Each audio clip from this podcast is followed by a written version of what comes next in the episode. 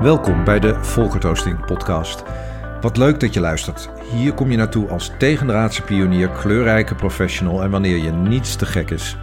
Samen met mijn gasten deel ik wekelijks praktische tips, inspiratie en wetenswaardigheden over hoe je ongedwongen aan je ideale wereld kunt werken.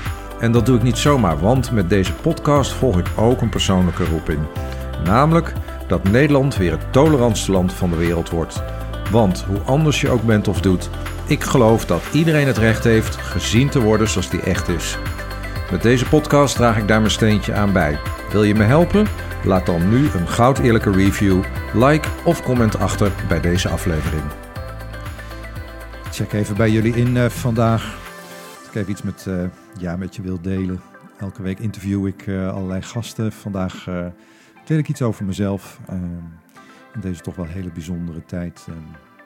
Ik zat uh, vorige week uh, s'avonds, ik kijk eigenlijk alleen nog maar s'avonds het nieuws. Um, omdat anders, uh, ja, je toch wel de hele dag bezig bent met corona. En ik ook hele andere dingen uiteraard belangrijk vind. Maar ik zat naar het nieuws te kijken en zag in één keer een intensive care in een ziekenhuis in Nieuwegein.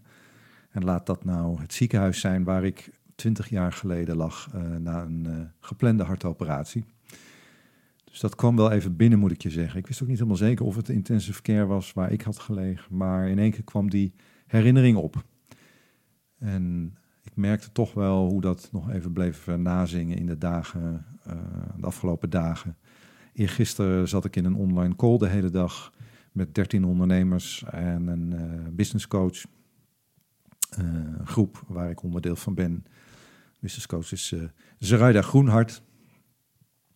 En in één keer uh, ja, kwamen al die herinneringen terug en de emoties en de tranen uit die tijd. Want ja, de intensive care is toch zo'n uh, zo'n ja, zo'n bijzondere, hele gekke, gekke plek ook.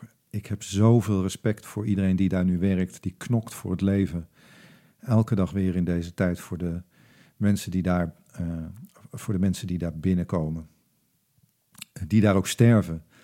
Ik lag uh, op die intensive care terwijl er ook iemand aan het sterven was. En ik zag in een ooghoek een jonge verpleegster staan, uh, waarvan ik meende een, ja, een traan te, zien biggelen over haar uh, gezicht. Ik voelde in ieder geval een bedrukte sfeer en daar lag dus iemand een paar bedden verderop te sterven. En dat alleen al vond ik indrukwekkend. Nou, laat, laat staan als je daar werkt, überhaupt werkt in zo'n ziekenhuis het hele jaar door waar leven en dood zo langs elkaar heen, uh, hoe zeg je dat, gebeuren.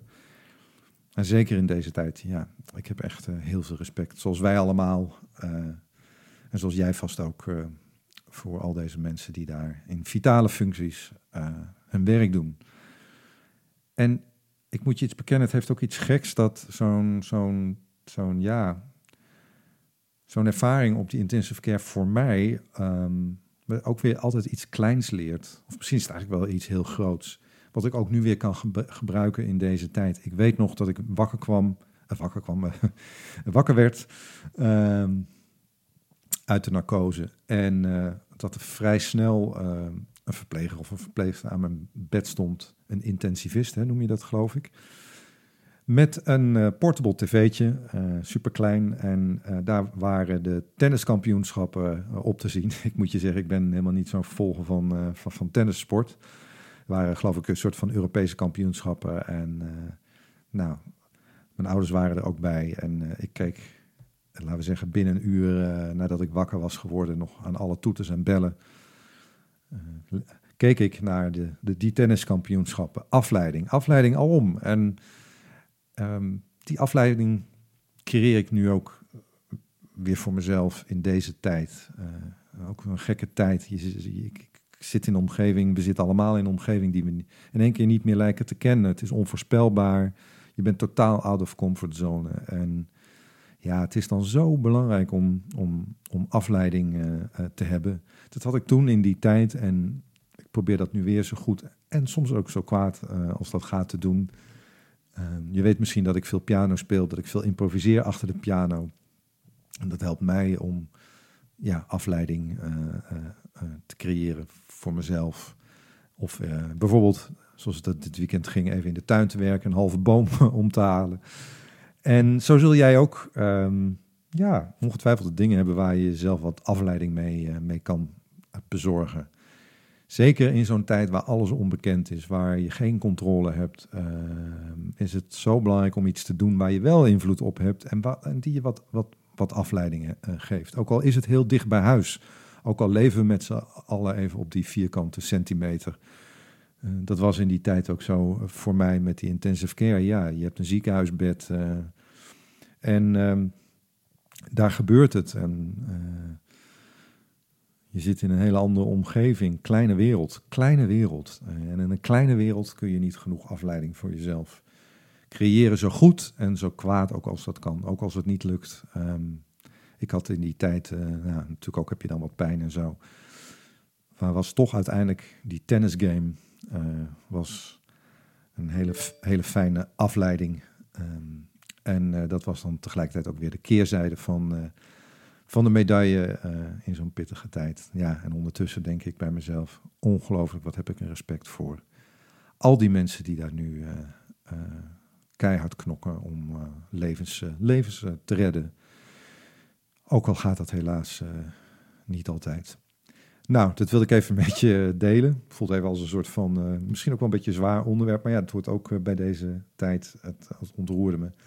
En ik hoop dat alles je goed gaat in, in, deze bijzondere, in deze bijzondere tijd. Stay safe. Ja, en ik ben natuurlijk super benieuwd wat je van deze aflevering vond. De tips, de dingen die we hebben besproken. Of misschien zijn er wel dingen waarvan je zegt: hey, kun je daar de volgende keer eens aandacht aan besteden? Nou, natuurlijk uh, stuur me in dat geval een DM. Dat kan op Instagram, waar ik dagelijks ben te vinden, Volkertoasting. Op LinkedIn, maar ook op Facebook. En als je nou zegt: hey, deze aflevering is interessant voor iemand die je kent, ja, dan vind ik het natuurlijk te gek als je hem deelt. Want op die manier maken we met z'n allen van Nederland weer het tolerantste land van de wereld. En mocht je meer over mij willen weten, Kijk dan even op www.volkertoasting.nl. Voor nu wens ik je een fijne dag en tot de volgende aflevering van de Volkert Oosting podcast.